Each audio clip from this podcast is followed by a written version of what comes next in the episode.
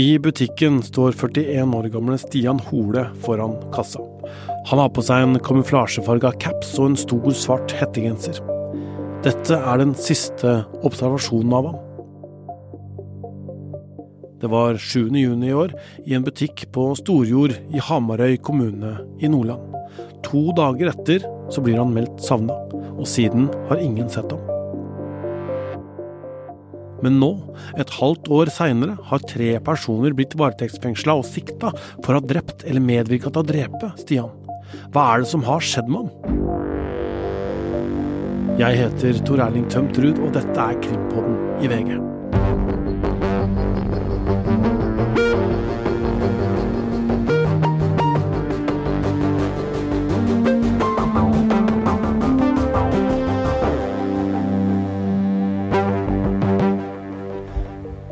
Hamarøy i Nordland ligger eh, liksom rett sør for der Lofoten brer seg utover i havet.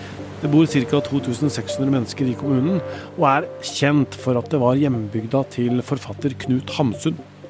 Men kanskje aller mest aktuelt nå, siden det var der Maskorama-programleder Silje Nordnes vokste. For det her er Maskorama. Her ligger tettstedet Storjord, og her er det en jokerbutikk. Og det er i denne butikken Stian Hole er observert to ganger den 7. juni. I videoen som Åsted Norge på TV 2 har vist, er han i butikken klokka halv tolv og en gang til klokka to på dagen. Og det er siste observasjon. Stian og minst én person til går rundt i butikken. De kjøper med seg bl.a. melk, smertestillende og en bukett med roser, forteller politiet til Åsted Norge. Han var en, en, som var veldig veldig glad i å fiske. Han brukte mye tid på det. Så jeg ser for meg at jeg har vært og handla til en, en fisketur. Eh, men når jeg på en måte ser disse overvåkningsbildene som jeg så på, på oss til Norge, da, så jeg ser jo at han er jo en at ja, Han virker litt sånn stressa i, i kroppsspråket og kanskje ikke har det så bra akkurat her. Dette er Morten Hole, storebroren til Stian. Jeg snakker med han over FaceTime der han sitter i Bodø. Ja, Stian, altså, Stian er jo broren min. Han er fire år yngre enn meg. Han er 41 år. Uh, han er en veldig snill person. Han er en sånn som bryr seg om alle, passer på at alle har det bra hele tida. Han har nå hatt litt utfordringer i livet og har nå tilhørt et, et rusmiljø i, i, noen år, da. Men, eh, men eh, vi har nå på en måte alltid hatt kontakt på en eller annen måte. De siste årene kanskje litt mindre, men, men, men eh, det er nå engang sånn at blod er tjukkere enn vann, så vi har, vi har nå alltid hatt kontakt. Det er blitt forklart i saken at etter denne butikkturen som vi har sett bilder av, så blei Stian kjørt til en leirplass som han skal ha oppholdt seg på. Dette er på Herøysletta, og her står det en lavvo, en bålplass med et par benker og en sykkel lent opp til et tre. Eh, nei, det var jo en lavvo som sto på en uh, veldig flott plass. Da, så Jeg skjønner jo hvorfor man setter opp en lavvo der. Det var fine strender og veldig flott natur. Uh, det som møtte meg der inne, det var jo, det var jo masse utstyr og ting inni der. Altså soveposer og fiskeutstyr, altså ting som skal ligge i en, i en lavvo. Altså, jeg, jeg kan ikke si om han har vært der eller ikke. Det var bare masse greier som lå der, sånn uorganisert. Da Stian hadde vært borte i to dager, så blei han meldt savna. Og politiet kommer til denne campen. Der ser de at det er turutstyr inne i lavvoen, primus, sovepose og mat, sier politiet. Var det der han hadde oppholdt seg? Politiet er usikker på om det var der han var den siste tida før han forsvant. Samtidig som Stian forsvinner, er det noen som har brutt seg inn i noen hytter noen kilometer unna. Politiet sier i Åsted Norge at eh, de tror at det var Stian som hadde vært på de hyttene. Grunnen til at de tror det, er at klærne hans er funnet der. Den kamuflasjefarga capsen, hettegenseren og ei bukse. Og alt er gjennomvått. Dessuten mangler det en havfiskestang og en håv. Hadde Stian vært og fiska? Det er jo noe som politiet driver og, og undersøker. da, altså Hva er dette? ikke sant? Klærne hans eh, som han hadde på seg på disse overvåkningsbildene, ble funnet der. Nå har jo jeg vært ute på Hamarøy tre ganger i løpet av sommeren. da.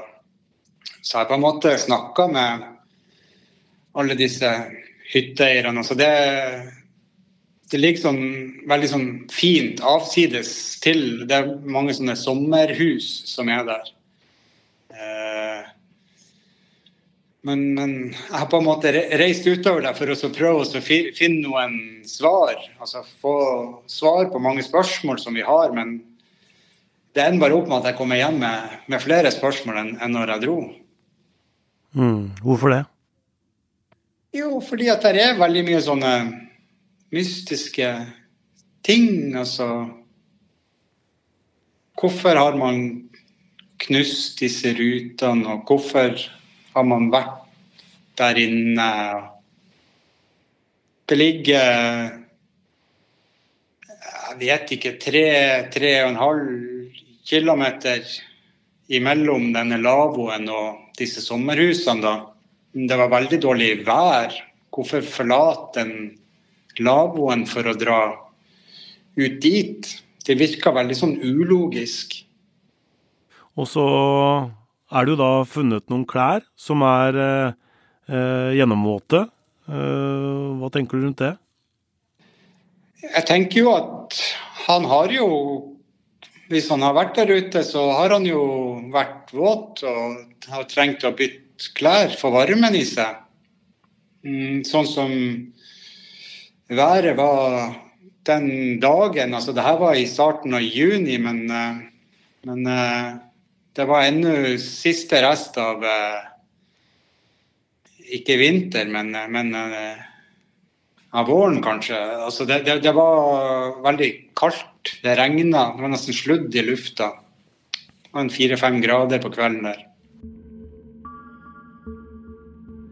Stian likte å fiske, blir det sagt, og han er lett å like, sier andre. Han beskrives som omsorgsfull. Det legges ikke skjul på at han var i et belasta rusmiljø, og nå er han borte. Det, det, det, kan godt gå noen dager eller ei uke der vi ikke hører ifra han.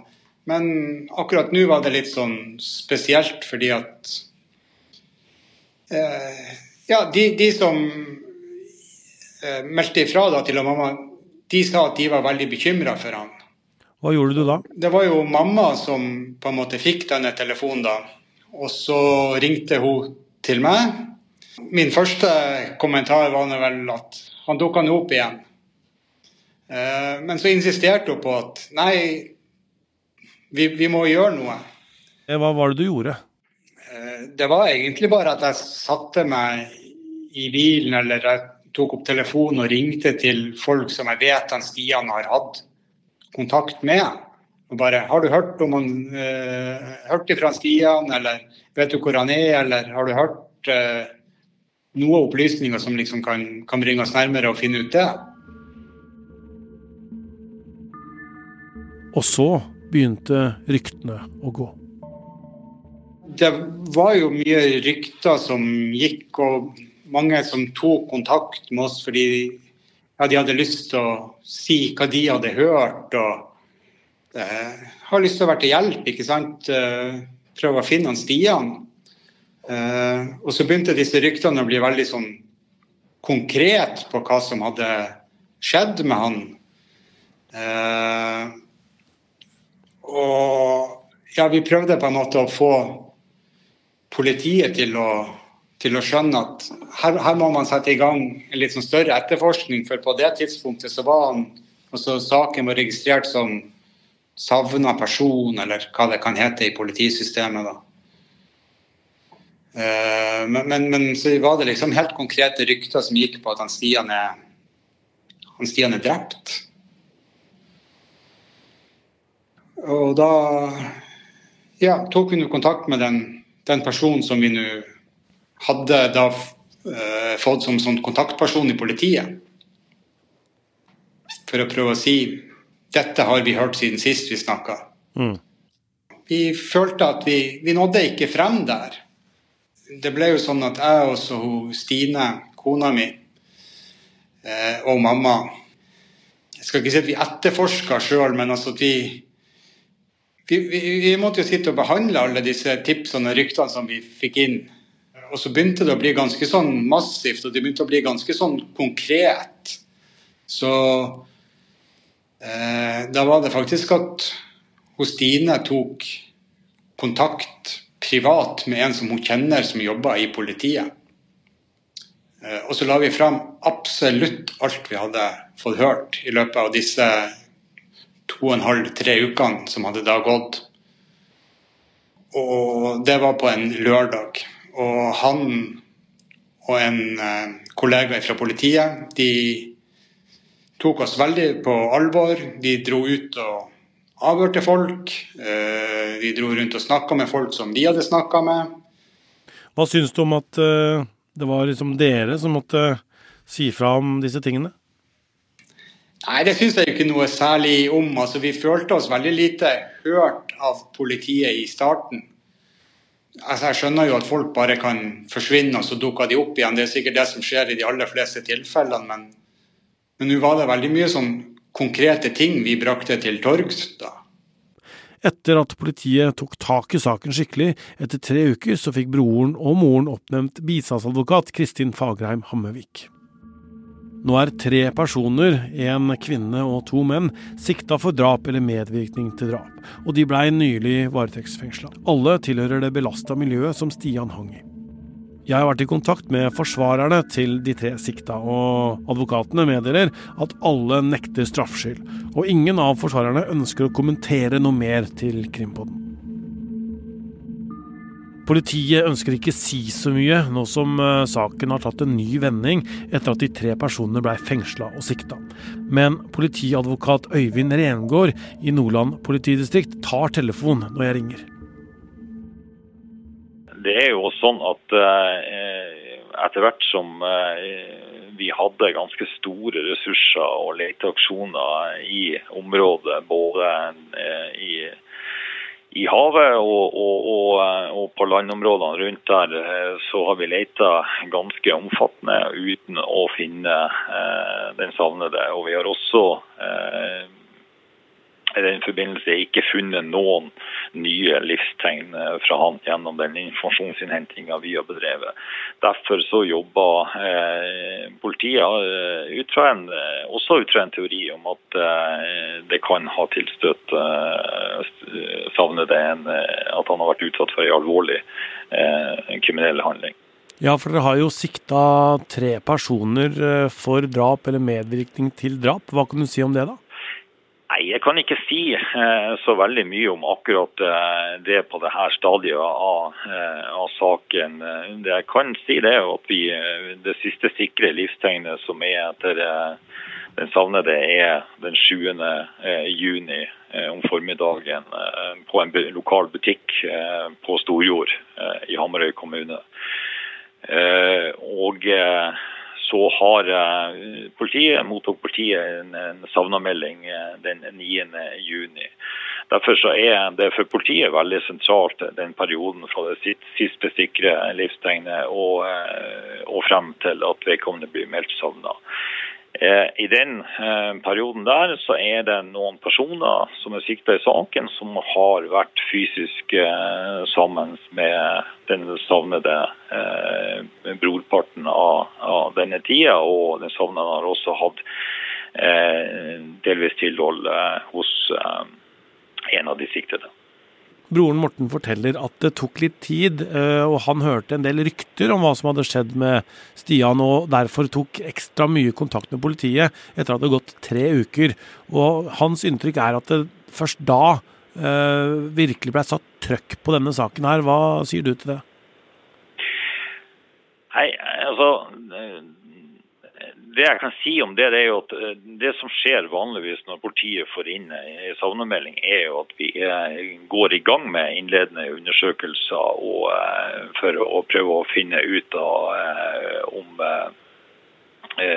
hva som her kan, kan ha skjedd. Og I de aller fleste tilfellene hvor politiet får inn savnemeldinger, så kommer vedkommende til rette etter relativt kort tid. Det, men vi må også jobbe ut ifra, allerede fra det tidspunktet jobbe ut ifra flere hypoteser eh, om hva som kommer til å skjedd her. Eh, en av hypotesene kan være at det er ville handlinger, at man vil eh, koble seg av samfunnet for en periode. Det kan være personlige tragedier. Det kan være, være at han er tilstøtt noe, noe kriminelt.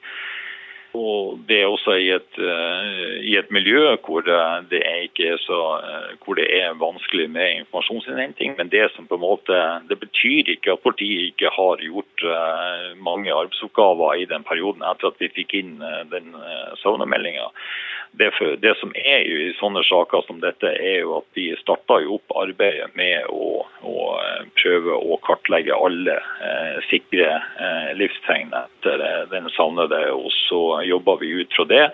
Og i en sånn fase så er det viktig at vi forsikrer alle de tingene som kan gi oss som svar på eh, på den savnede sine, sine bevegelser. Eh, og Da må man være ganske tidlig ute i forhold til, eh, i forhold til en del elektroniske spor osv. Som, som politiet må få kontroll på før de går tapt. Eh, det kan være videoovervåkning og det kan være andre ting som, som, politiet må få kontroll på. Så kan si oss litt om, om de siste bevegelsene etter den savnede. Har dere tegna dere et bilde av hva som har skjedd med Stian gjennom innhentingen og avhør? Ja, Det kan jeg ikke gå noe uh, har jeg ikke noe lyst til å gå noe nærmere inn på, uh, på, uh, på dette stadiet av, av, saken. Det er jo en grunn til at vi nå går til har gått til fengsling, at man på en måte også vil at man nå vil ha videre fengsling av disse tre personene. Og, og Grunnlaget her er jo bevisutspillelsesfare, og, og det er også bedt om at det ilegges restriksjoner eh, under eh, varetektsperioden i form av brev- og besøksforbud og isolasjon. Og Da er det for oss viktig at vi eh, at vi, eller På denne stadiet av saken så kan vi ikke gå noe, i noen detaljer om, om, om etterforskninga. Hvor mye bevis kan man forspille eller ødelegge nå seks måneder etterpå? Ja, nå er det jo sånn at Denne saken her gikk inn i en ny fase her eh, i forbindelse med at man gikk til eh, pågripelse av eh, tre personer. Eh, og Den eh, bevisutfyllelsesfaren som vi mener, den, den, eh, den kan eh, opptrå enhver tidspunkt av saken. Og, og, vi har vurdert det sånn og fått medhold av Salten tingrett ved forrige fengselsmøte at de skulle holdes fengsels i to uker. Og Den fengslinga der ønsker vi nå å få, eh, å få forlenga.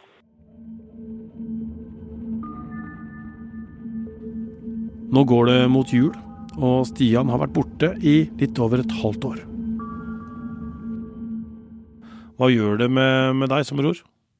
Det gjør ganske mye med meg. Altså fordi at uh, mitt liv må jo gå videre uansett uh, om Stian er funnet eller ikke. Altså, jeg må gå på jobb, jeg har barn jeg må, jeg må ta meg av, jeg må følge dem opp på aktiviteter og skole. Og, og, så har man på en måte alltid det her som ligger og, og murrer i, i, i bakhodet.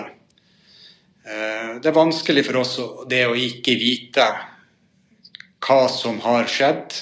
Vi har et kjempestort behov for informasjon. Der er noen som vet mer enn oss, men vi kan ikke få vite det av veldig gode grunner fordi at det er etterforskning som pågår. Men, men det er vanskelig det å ikke, ikke vite. Og så syns jeg også det er veldig vanskelig eh, sånn følelsesmessig. altså man, man, man svinger mellom de to motpolene nærmest daglig til optimisme at dette kommer politiet til å finne ut av. Vi kommer til å få svar på hva som har skjedd. Til at man tenker vi kommer aldri til å finne han Stian. Altså, vi kommer aldri til å få vite hva som skjer. Og det gjør noe med deg å gå med denne belastninga og tenke på det hver dag i over seks måneder. Hvordan eh, blir det nå da å, å gå inn i jula med dette? Ja, Jula kommer til å bli veldig spesielt.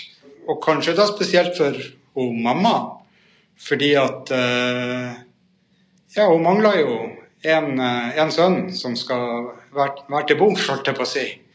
Så for henne kommer det til å bli veldig spesielt. Ja, Øystein, eh, når du hører at eh, Stian var borte i nesten ja, rundt tre uker da, før politiet liksom satte litt trøkk på saken, hva sier det deg? Nei, Det må jo politiet komme tilbake igjen til eh, etter hvert. Men det er klart at all tid som man mister i en sånn kritisk fase, er jo ja, kritisk. Fordi at vi vet fra både forskning og fra andre saker, og politiet er jo veldig klare på det sjøl også, at dette med tid i forhold til å få informasjon er veldig viktig. Og vi har snakka om flere saker hvor det har vært et tema.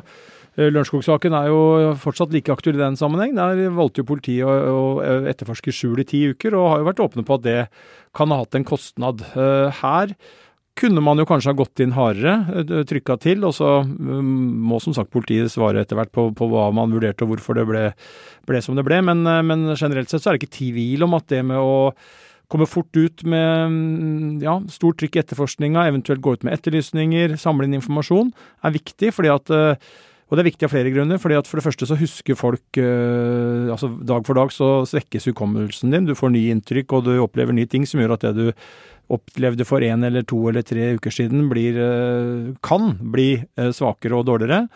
Ehm, og, og, for det andre så er det jo også fordi at fersk info kan gjøre at du kommer fortere videre. Eh, fordi at da kan det kanskje være sånn at du kommer à jour med et hendelsesforløp, hvis det skulle være aktuelt, istedenfor å måtte løpe etter. Broren sa jo til meg at eh, Stian hadde vært borte før. Eh, han var i et rusbelasta miljø. Det er jo ikke helt uvanlig at de kanskje blir borte noen dager ikke sant, og sånne ting. Har det noe med politiets vurdering å gjøre, tror du? Det kan det ha, og det er jo det som jeg er inne på, at politiet må jo svare for vurderingene sjøl. Men det er klart at det er en problemstilling. Uh, og det er jo folk i Norge som forsvinner frivillig, eller ja, uten at det er noe kriminelt ved det, uh, i flere typer miljøer, hvis man skal snakke om det, uten at, ja, uten at det har skjedd noe kriminelt. Og det er klart at dette er vanskelige vurderinger. Det er ikke noe grunn til å legge skjul på det. og hva har man å gå etter? Og hvis en person bare forsvinner, så, så, er det klart at hvis man ikke har holdepunkter da for at det har skjedd en kriminell handling, så er det jo vanskelig kanskje å begynne å, nøste, men samtidig så er det jo noe med det at uh, terskelen må jo ligges lavt da, for å gå løs på den, en av disse fire, fire, hypotesene når det er noen som forsvinner sporløst. Hvilke fire hypoteser er det? Ja, Vi har jo først det vi var inne på, uh, at du forsvinner av egen fri vilje. Uh, det, for, det er det mange som gjør òg? Ja, er borte en uke eller to eller ja, sånne ting? da. Ja, og det er en menneskerett. Uh, om, om, det er, selvfølgelig er så klokt alltid, det kan man jo diskutere. For det er jo noen som kan bli veldig redde av det. Men det er ikke sånn at du har noe plikt til å ja, rapportere hvor du er. og så har du jo da dette med, med, med ulykke, som kan ha inntruffet. Eh, selvmord, eh, som er en eh, mulighet. Og så er det da den siste, som er at forsvinningen skyldes en, en straffbar handling. og da kan det være uh, f.eks. drap, da. Og så hørte vi da at Morten han fikk liksom ryktene inn, han. folk fortalte hva de hadde hørt, hva som hadde skjedd osv. Ting som var konkrete på at Stian var blitt drept. og så gjør jo politiet det de skal, og gjør undersøkelser, og, og, og tar dette her eh, som en, et, et, drap, da, og sikter jo også en person på sommeren. Eh, er det sånn at man må liksom gå til politiet sjøl med de ryktene man hører?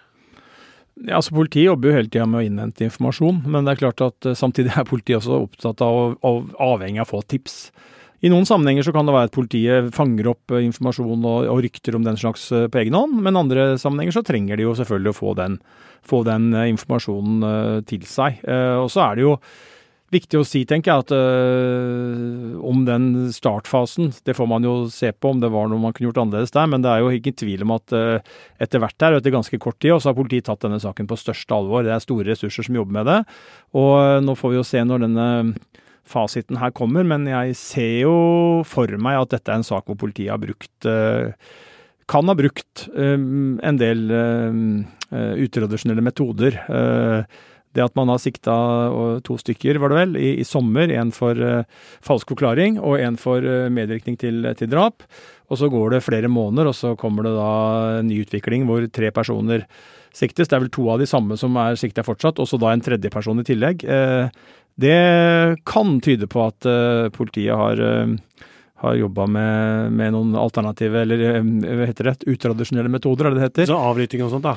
Ja, det kan være alt mulig rart. Altså, det kan være, det kan være undercover, det kan være mm, avlytting, det kan være tracking av biler, det kan være Det er masse forskjellige verktøykasser der som man kan benytte seg av. Eh, men jeg syns jo denne saken eh, med tre personer sikta, nekter straffskyld, viktig å understreke, og en så langvarig etterforskning med da Eh, flere måneder imellom disse to eh, tilfellene hvor man har, eh, har sikta folk, og nå da også pågrepet folk, så tenker jeg at her er det en etterforskning som har høy prioritet og har stor styrke. Og det er jo bra, og vi har jo et fokus på dette med denne type, eller kanskje ikke denne type saker, men beslekta saker i VG nå, med, med, med Ehm, dødsfall, mistenkelige dødsfall, eh, som kanskje også er drap, som jo er eh, problemstillingen i våre artikler, som eh, politiet av ulike grunner har lagt bort eller ikke kommet til veis ende eller bunns i. Og i den konteksten så er det jo veldig viktig at man har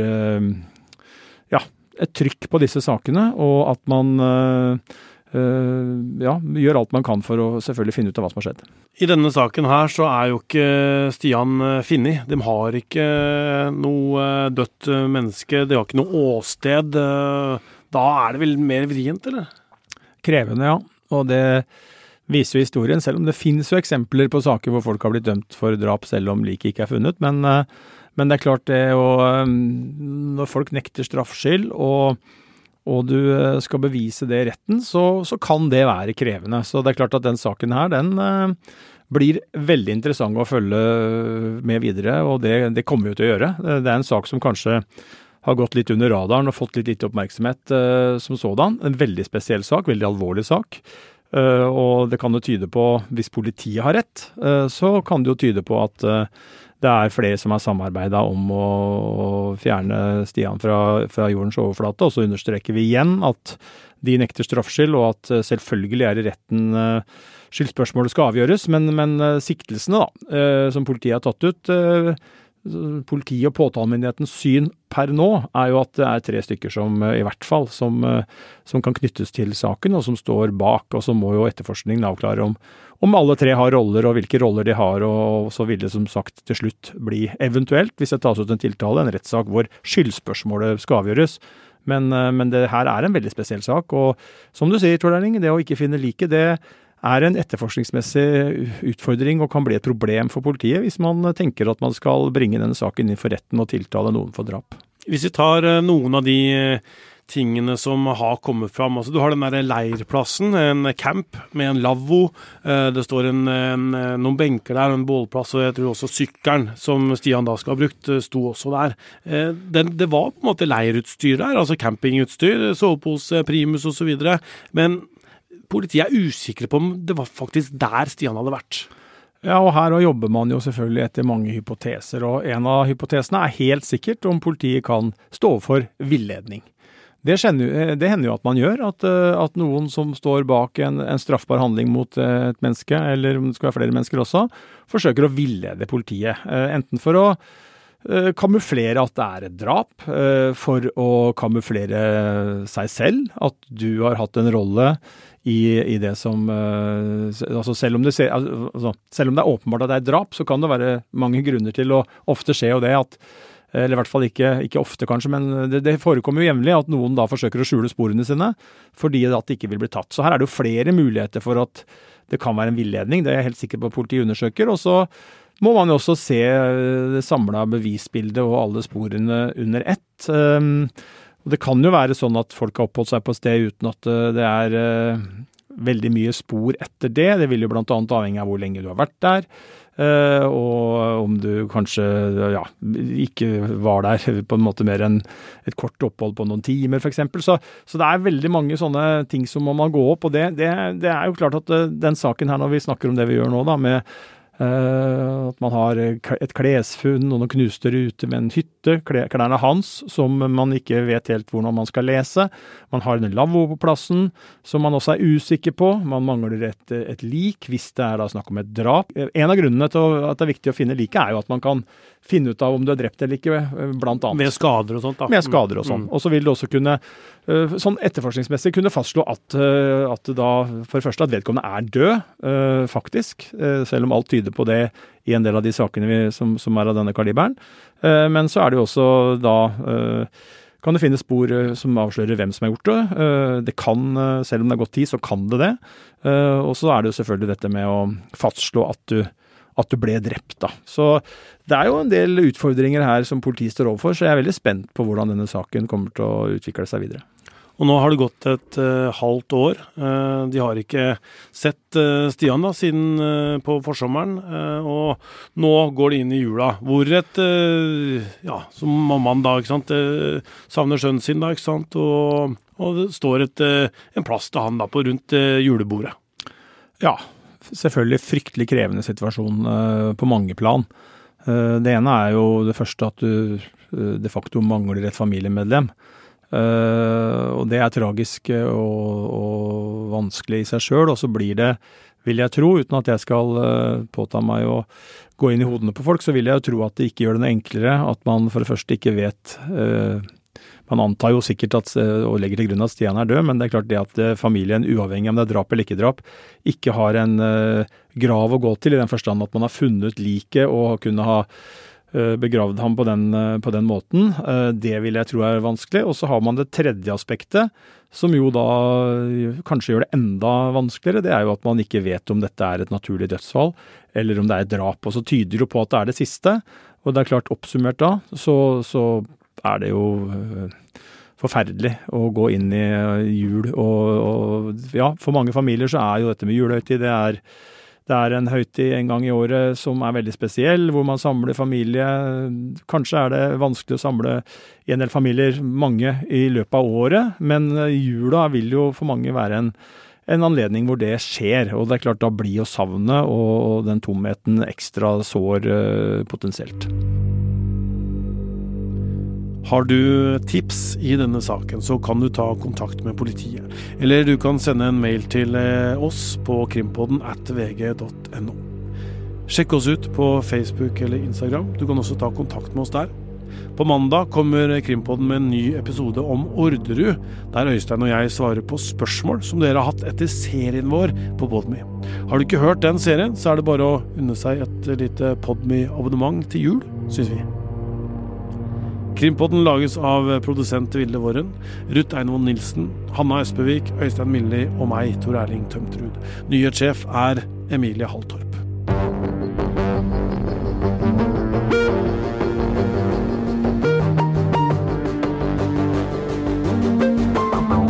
Du har hørt en podkast fra VG. Ansvarlig redaktør, Gard Steiro.